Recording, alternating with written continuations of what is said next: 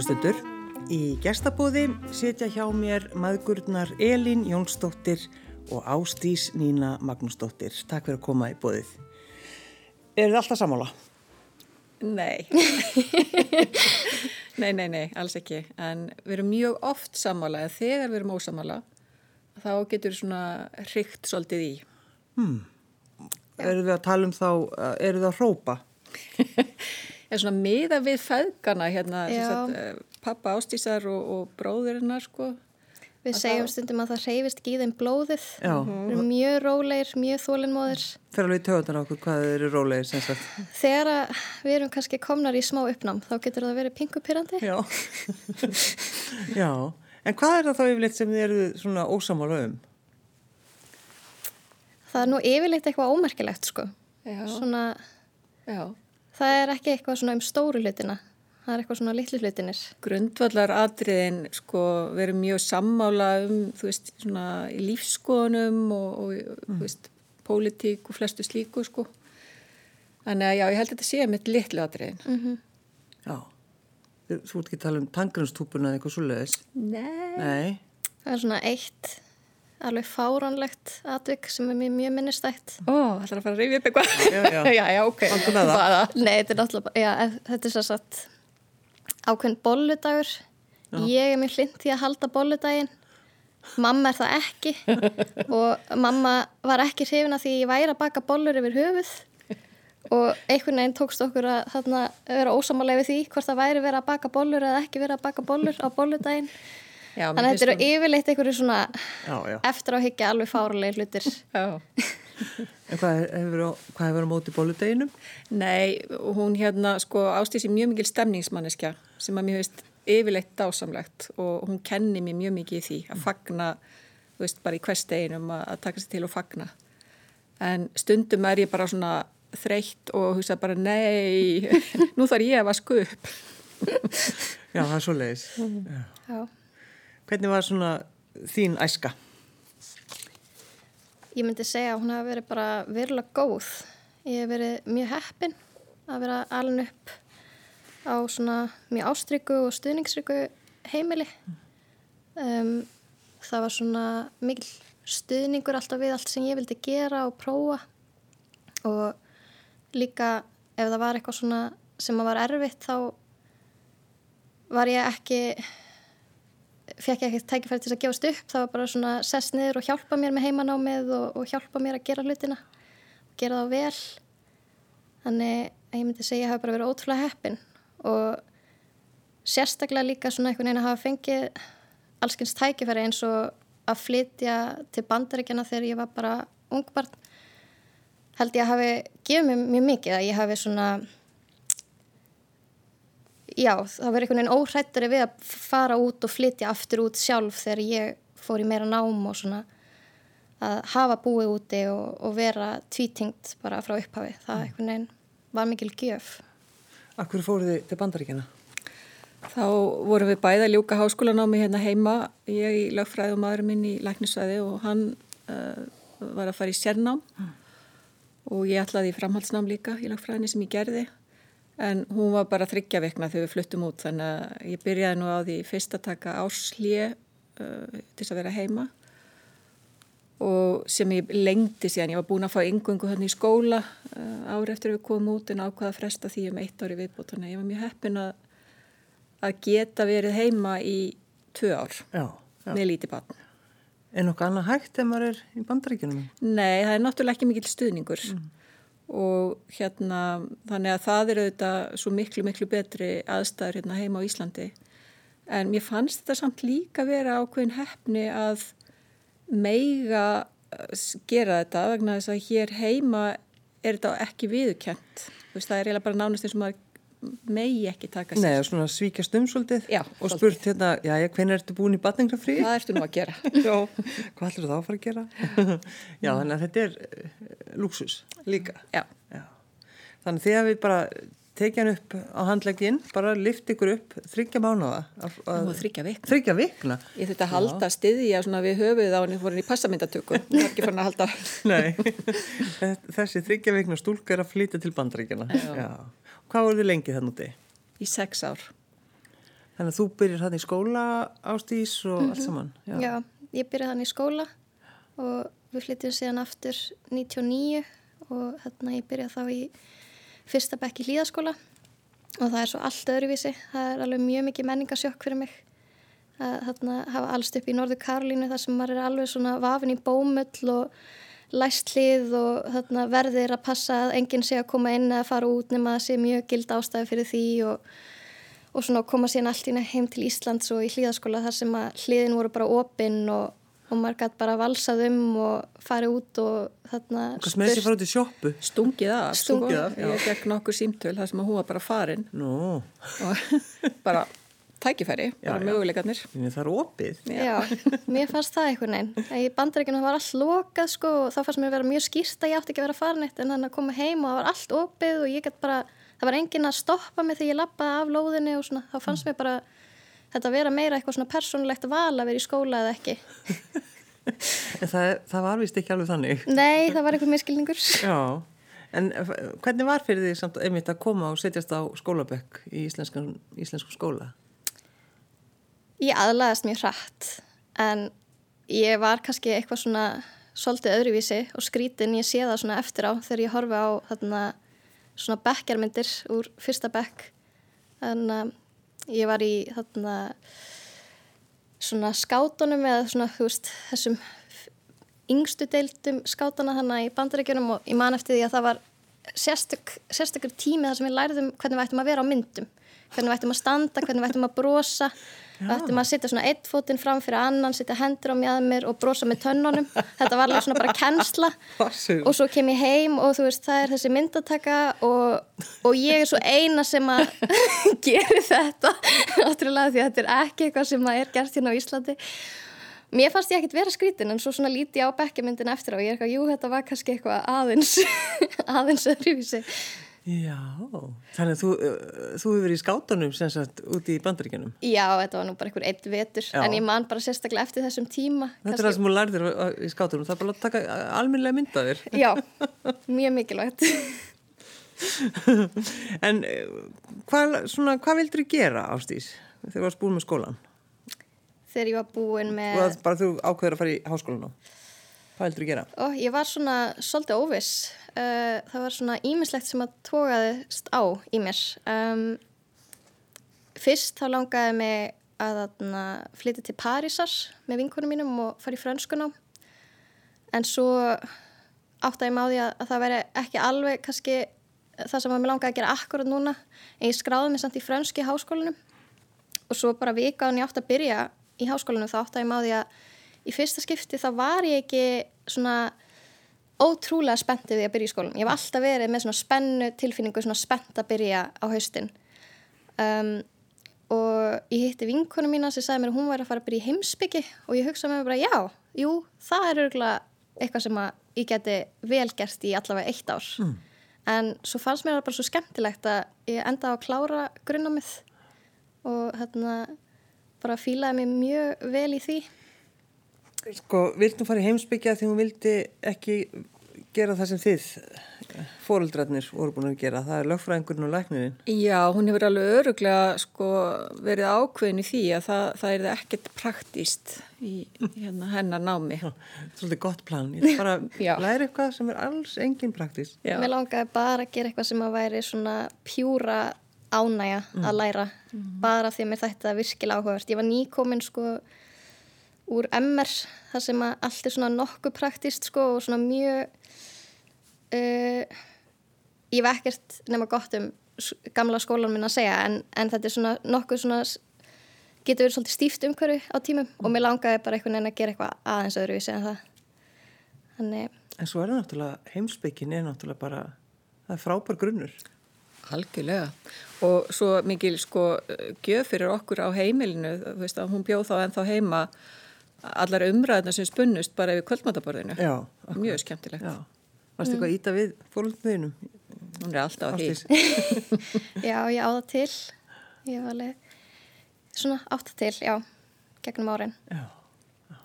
Og ég ætlaði, ætlaði mér sko að tímabilið bara að halda áfram í heimsbygginni og fara bara í meistranám og mér langaði bara að kenna. En svo svona á síðasta árinu mínu þá það var sko þannig að 2016 þegar að Trump var kjörinn og þannig að hann var með alls konar meiningar sérstaklega hvað var lofslagsmál og ég var nýbúin að lesa bók eftir reythund sem heitir Naomi Klein sem heitir This Changes Everything og, hérna, og ég áttaði maður á því að það væri ákveðin mál sem að væri mjög brín, mjög aðkallandi og ef það væri eitthvað sem ég geti gerst, hvað var lofslagsmál þá svona yrði ég eiginlega að gera það, eða mér leið þannig svona, mm. eins og það væri svona ákveðin skilda og hérna og það er kannski eitthvað sem ég fæ frá fólkdur mínum að þú veist, þau hafa alltaf svona unnið eða mjög mikið unnið fyrir svona almannaþáu og búið virðingu fyrir náunganum og þannig kannski á endanum þá einhvern veginn höfðu mjög mikil áhrif á mig í að fara í eitthvað sem var þó nokkuð praktist mm. þó það hafi ekki verið planið mitt. Elín, þú er bara beðið, beðið róleg. Vissir alveg að það myndi koma. Já, já, farð þú bara í heimsbyggi Ég baði ykkur að velja lög og þið kom með eh, nokkur lög. Eh, við erum pláss fyrir þrjú. Þannig að fyrsta lagið, hvaða lag viljiði að við heyrum fyrst?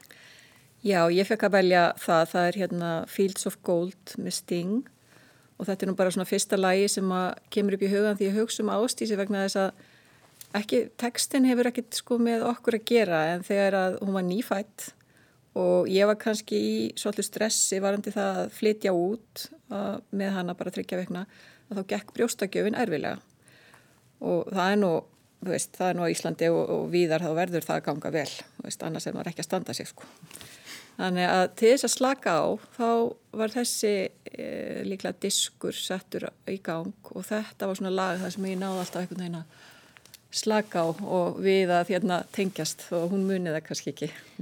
Já, þó ég muniða ekki, þá eru svona mjög svona djúpar svona frum bensku minningar tengdar þessu lagi mm. og mér líður svona einhvern veginn, ég sé fyrir mér sófan þannig í stofunni í Norður Karolínu þegar ég heyri þetta lag og svona einhvern veginn lyktin, þú veist, inn í herbygginu, ég finn það alveg. Mm -hmm. Það var mjög mikið spilað.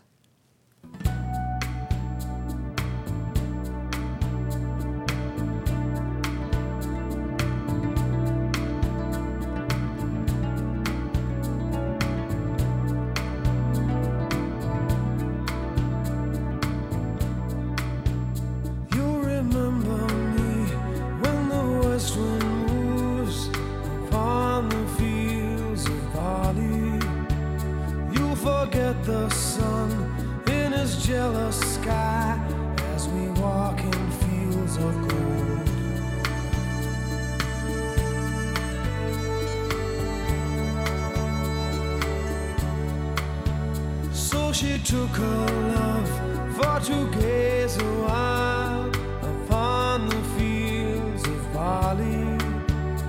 In his arms she fell as a hair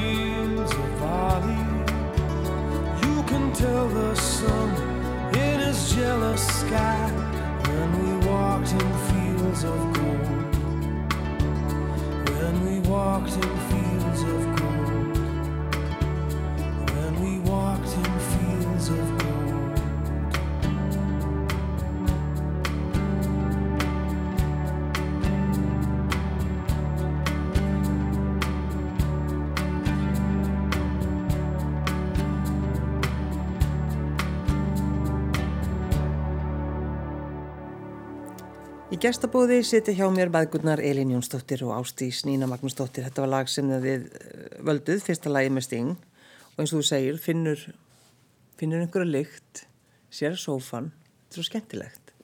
Mm. Spilar þetta oft? Já, svona á og til. Sérstaklega kannski svona fyrir nokkrum áru síðan þegar ég flytt í fyrsta skipti almennilega heiman og þarna fyrir skiptinám til Berlínar og ég fekk alveg svona yfir þegar maður heimþrá. Þá byrjaði ég að hlusta á alls konar tónlist sem ég hafði ekkert verið að hlusta á fram að því Já, og meðal annars þetta lag. Af því að það svona var eitthvað svo svona svona djúb svona hlýja sem að ég fæ frá þessu lagi. Já, já, já. Þú þakka mömmuðinni það Já, og brjóstakjöfunni. eh, sko, nýráðin fórsiti lagadeildar við Háskólan og Bifröst. Þetta er svolítið stór titill. Já, þessi ekki flott. Mér finnst þetta rosalega flott. ég þurfti að skrifa þetta niður, sko, ég vissi það að ég myndi ekki muni þetta. Af hverju ertu komið þákað? Jú, ég er bara svo lánsum að, að hafa fengið tækifæri til þess að breyta um, um starfsferil, já, já. Og það er nú kannski bara hlutur okkar margra núna á, á þessum tímum að maður er að skipta um starf. Það er, hérna, vinnumarkaðurinn hefur breyst svo mikið. En e, ég var að vinna í fjármálageiranum lengi vel og, og fjármálageirin náttúrulega sogaði mikið til sín að vinnuafli á árunum kannski frá 2000 og já, já, síðasta áratug hérna, eh, síðastu aldar og svo fyrsta á, þess, þessarar aldar og, og þar á meðal mig og hérna Fannst þið gaman? Já, ég kynntist mjög mikið af skemmtilegu fólki og, og mér fannst viðfáðsefnin svona fræðilega krefjandi og skemmtileg. Um, og mikið líf og fjör líka stundum margt sem að var erfitt og, og sem að maður kannski ekki alveg sáttur við. Og ég hugsaði ofta ég myndi, ég myndi vilja skipta um vettvang, ég myndi vilja færa, færa mig um sett og, um, og það tækifæri hefur gefist núna. Ég fór í, í hérna MBA-nám til Svíþjóðar. 2017, kláraði það í lokast 2018 og uh, þar fór ég að læra um sjálfbærtni og, og samfélagsábyrg fyrirtækja uh, sem að var hérna, lögð mjög mikil áherslu á í því námi. Og hugsaði með mér að mikið væri nú gaman ef ég geti fengið að, að hérna, einhvern veginn að snerta á þessu í, í störfi mínum. Og, og núna erum við semst þó það kannski tengist ekki beint starfi mínu sem deildafosti þá að mistakosti hefur það komið mér í þá aðstöð að fá að taka þátt í að kenna kurs í þessu með ástísi. Mm. Sko, sjálf, sko, samfélagsleg ábyrð. Já. Þetta er svona eitthvað sem að, það er svona ekko. Þetta er svona að byrja að tala um þetta fyrir einhverjum, einhverjum árum. Já, þetta er bara hugtak sem að, hérna, náttúrulega hefur verið lengi vel deilt um í ára tíu hvort að fyrirtæki eigi að hugsa um eitthvað annað heldur um bara að skila arðir til eiganda sína Já, já. eða hvort eigi að, að hugsa um samfélagið í heild og, og alla haghafa og núna er það nánast óumdeilt eða minnst okkurst í framkvæmt eru fyrirtæki að viðkenna það að þau eru að horfa til fleiri heldur en hlutafana. Já, en þetta er svo allt, allt öðruvísi heldur en bara að, að sko að vera í bankanum, Elin. Já, Þetta er bara, nema hvaða bankarnir eru líka að breytast. jú, reyndar. Við erum öll að, að hérna, átt okkur af því að það gengur ekki að ganga á auðlindir jarðar eða á samfélagið og hérna, já, það er ekki sjálfbært. Og Hvað fórstu einn til Svíþjóðar? Já, um, ég, Skildur þau eftir grátandi heima? þau voru nú hérna, voru nú orðin fullorðin hérna krakkarnir sko og, og ég var nú bara í burtu svona í viku og tvær í senn en, en hérna mér fannst það mjög skemmtilegt og, og hérna gaman að- fá tækifæri til þess að vera aðeins eitt með sjálfum sér, sjálfum sér sko líka. Já, akkurat. Já. En varstu, fannstu fyrir heimþrá eins og ástýst þegar hún hlustaði þá á sting? Nei, þetta var nú aldrei það langt að ég næði því í sjálfu sér og alltaf svo mikið að gera líka Já. en, en ég man sko þegar ég var 50 þá braust ég svona í fyrsta skipti út úr þessu að vera bara hluti af fjölskyldu og fór eini í hérna í þryggja vegna ferðalandi í Costa Rica að fara að læra jóka Já. og þá hugsaði ég svona uff, hvað er ég að gera sko en þá var ég líka hérna, aðeins að brjóta út, brjótast út úr þessu hefðbunna að vera Og, kenna, og, og læra jóka. já, Og hvað sagður við mömmuðina Ástís þegar hún sagðist alltaf að fara til Costa Rica að læra jóka? bara áfram með þig Já. Girl. frábært alveg frábær breyting hún hefði svona í ákveðin tíma þá verið að tala um að hann að langaði að gera eitthvað svona aðeins eða eiginlega bara allt öðruvísi Já. heldur en það sem hún hefði verið að gera Var hún hann leiðinleg sem sagt? Nei, hún var ekki orðin leiðileg en ég sá alveg að þetta var eitthvað sem hún þurfti að gera og við stuttum hana öll í því fannst það bara frábært að hún gæfi sér tíma. Sko, hvað varstu, þú komst þarna út, hvað varstu lengi bara einhvern veginn að fatta það? Að þú værir bara ein með sjálfur þér væri að gera sér eitthvað sem þið langaði til að gera. Og einmitt, þurftur ekkert að vasku upp. Það, hún, hún hefði getið gert allar, bara alla daga bollu, fyrir bolludaginn. Trublaði því ekki neitt. Hvað varstu lengi svona að komast í bara þennan takt?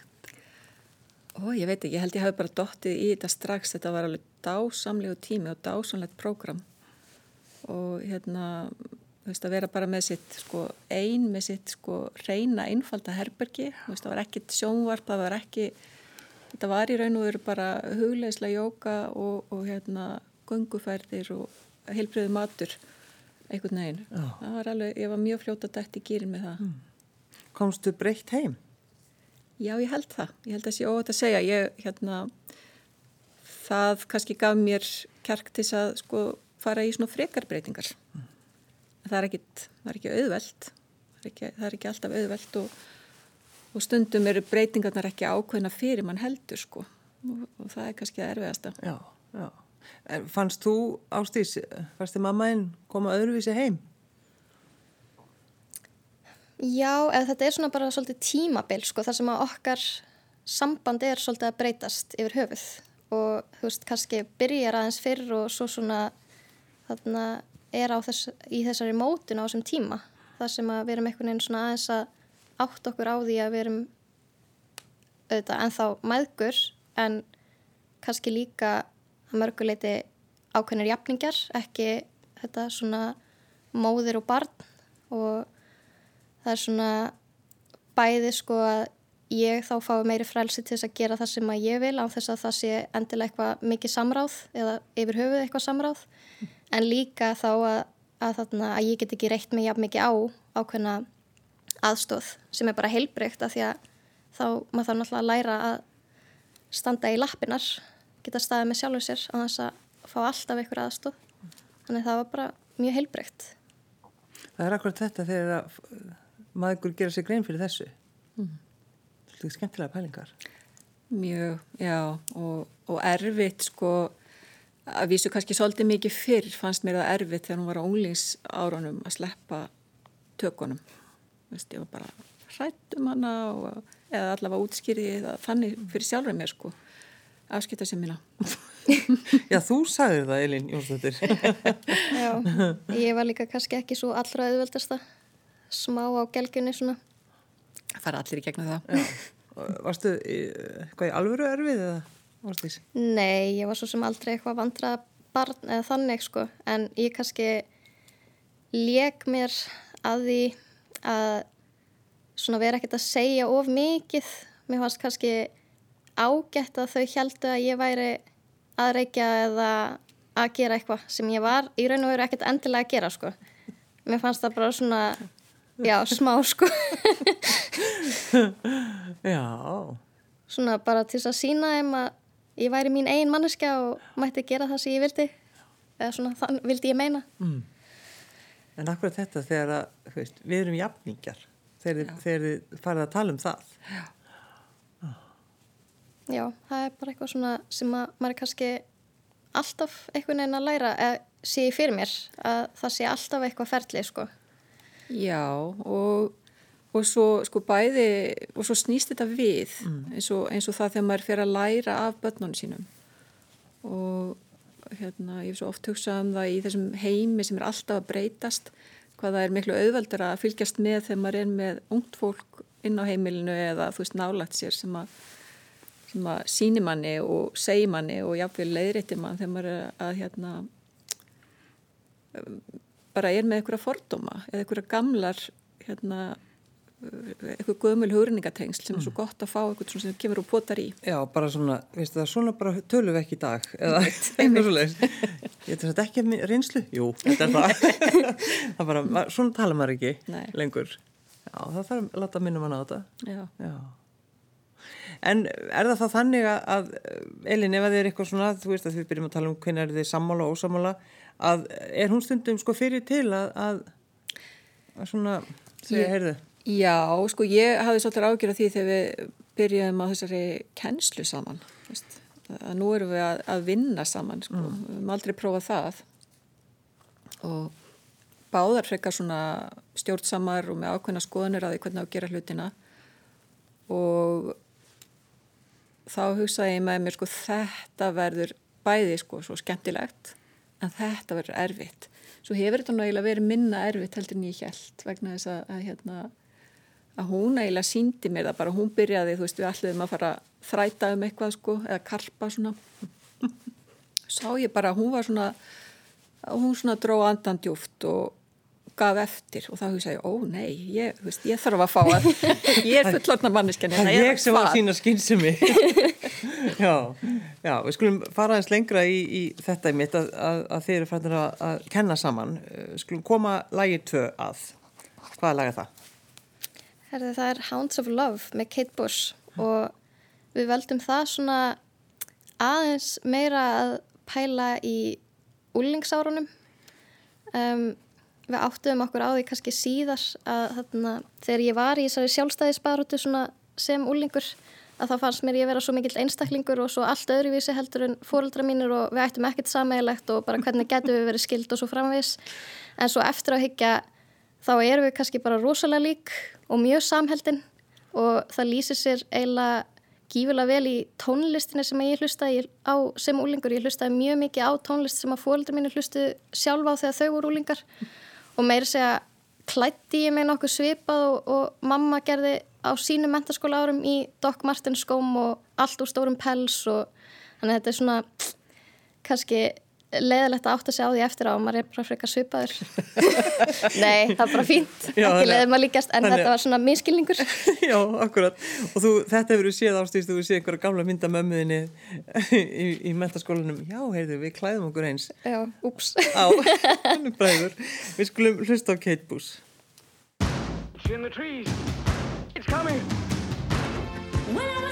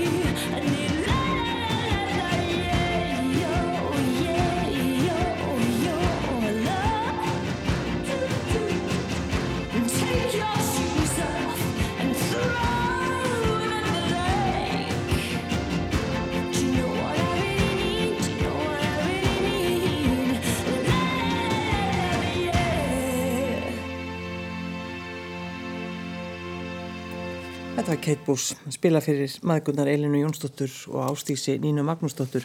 Þetta námskeið sem þið ætla að halda saman, sjálfbærni og samfélagsábyrð fyrirtækja. Og þetta er náttúrulega, sko Elin, þú situr náttúrulega í stjórn ímessa fyrirtækja það ekki, um, en þetta er starfsvið þitt, Ástís, hjá umhverfstofnun. Já, ég vinn sem sagt sem sérfræðingur á sviði lofslagsmála og græns samfélags og hérna mitt starf gengur svona heilt á liti út á það að reyna að stuðla svona samfélagsbreytingum á Íslandi. Uh, reyna svona að koma af stað umhverfisvætni uh, neyslumenstrum hjá almenningi, uh, umhverfisvætni starfsáttum hjá fyrirtækjum og svo bara svona vitundavakningu í gegnum fræðslu og svona miðlunarefni. Þannig að þetta, þú tekur það ekki uh, 2016 þegar að Trump verður fósiti. Já. Þú getur, þú getur þakkað Trump það. Hún ákvörður að fara í þetta. Já. Já. Já, það hafði svolítið áhrif á mig. Það var svona sjokk í kerfið að sjá þetta gerast. Ég var svo ótrúlega vissum að þetta væri ómögulegt af svo mörgum ástæðum. Og þarna, það svona mótaði mig alveg virkilega að sjá að þetta væri mögulegt og það lit mig svona vera ennþá meðvitað um það að þessi svona jafnbreyttismál og umhverfismál og öll í raun og veru svona baráttumál uh, maður getur ekki tekið þessu sem gefnu, maður verður alltaf að halda áfram að standa vörðum það sem að manni finnst skipta máli. Finnst þú hún vera að vilja bjarga heiminum? Já, hún er alltaf með mjög mikla ábyrðatilfinningu og stóra samvisku og, uh, og það er gott, ég minna ég er auðvitað mjög ána með það og stolt af henni. En svo þarf maður líka kannski að, að læra að slaka á og sleppa tökunum og það er eitthvað sem ég þekki líka bara frá sjálfur mér.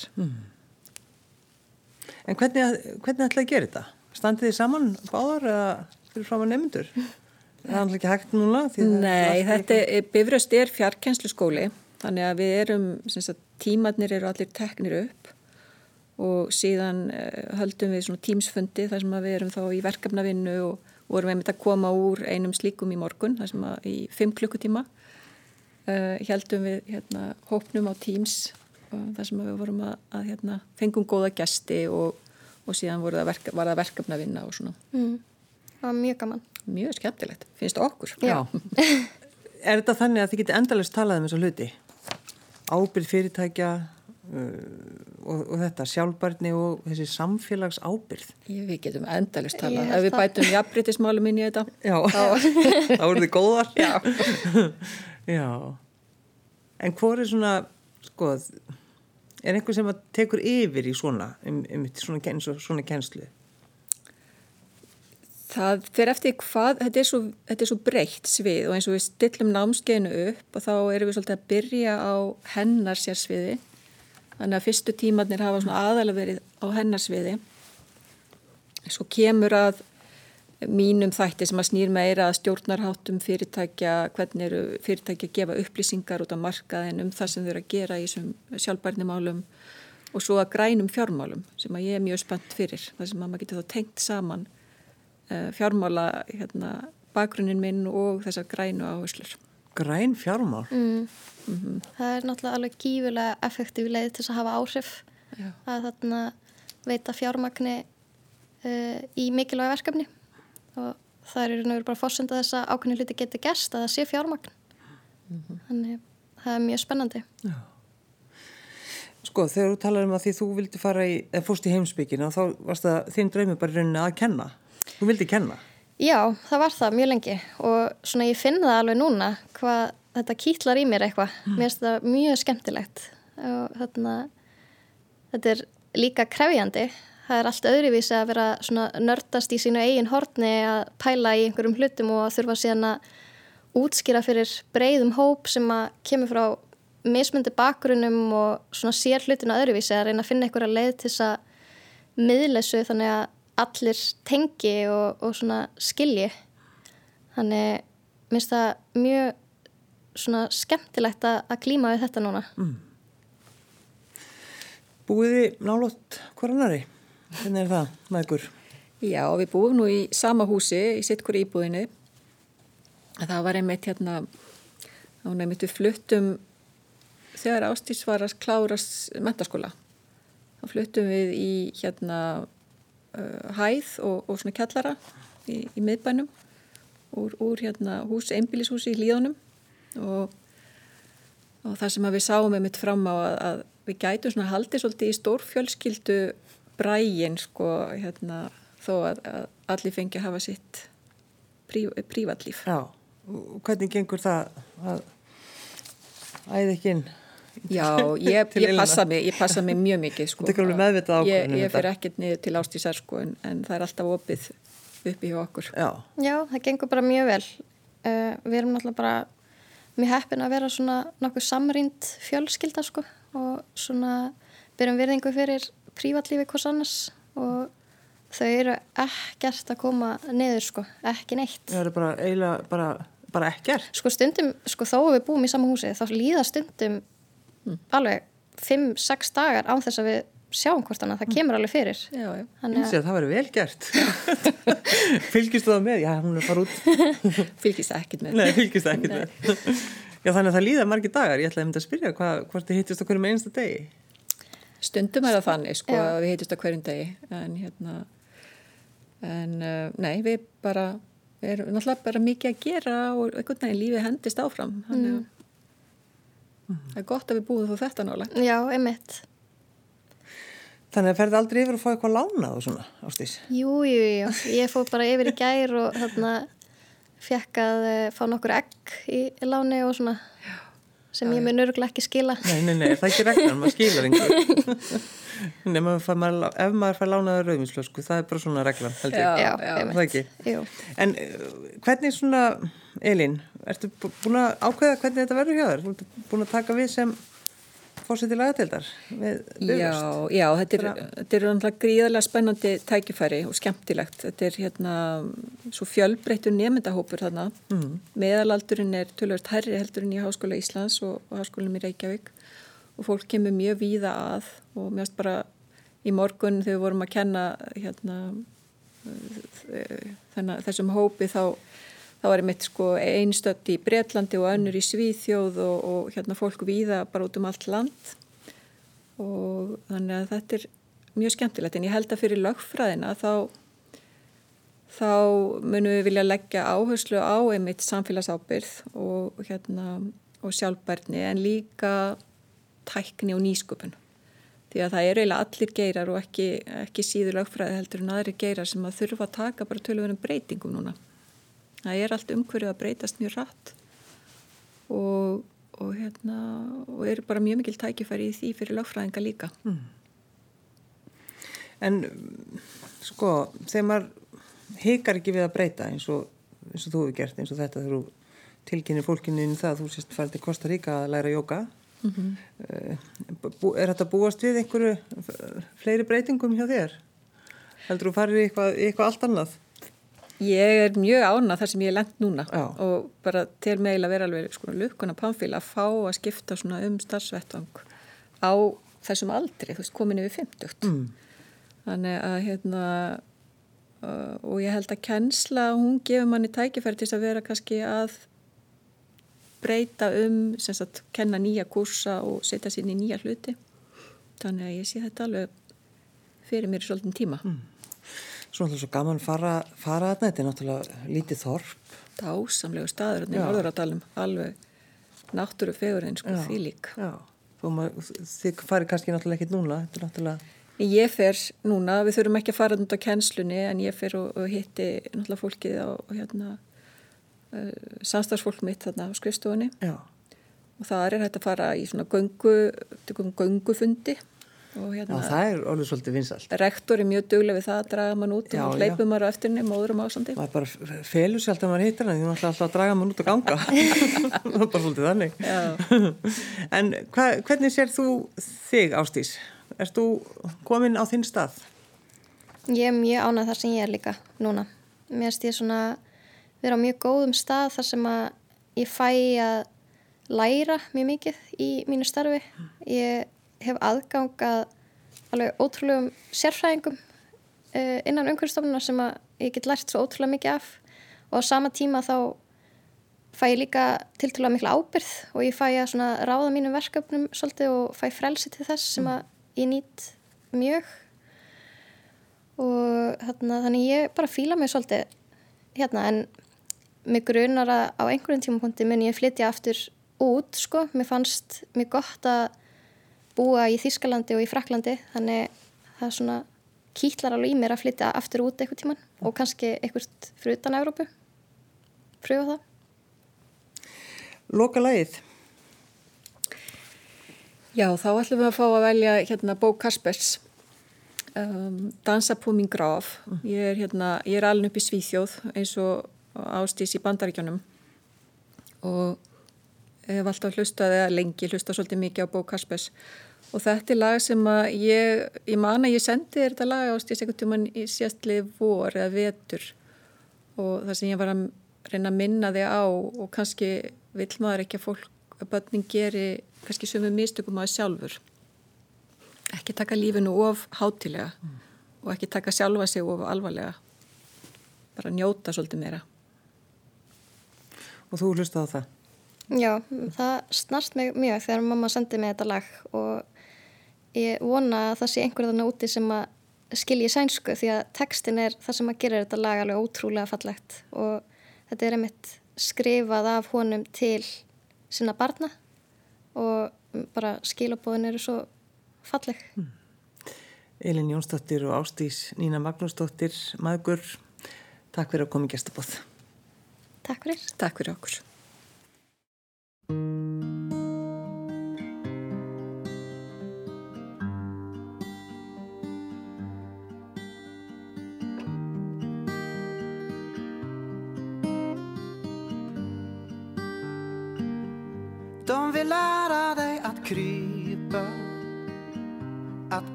marschera Att stå i vakt. Stå på rad och klappa händer För sakens bästa hålla med. Lära dig hur vinden vänder för sakens bästa gå på led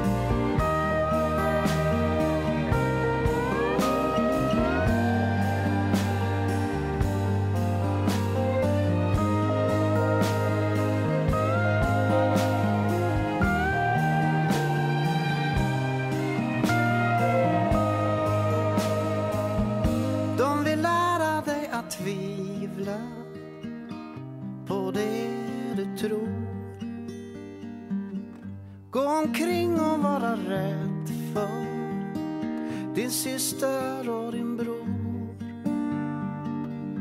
Jag vill lära dig att dansa om det någon gång blir av. Om jag får något att säga till om då ska du dansa på min grav.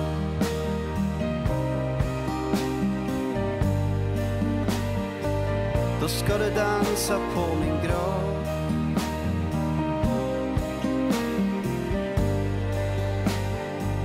Då ska du dansa på min grav.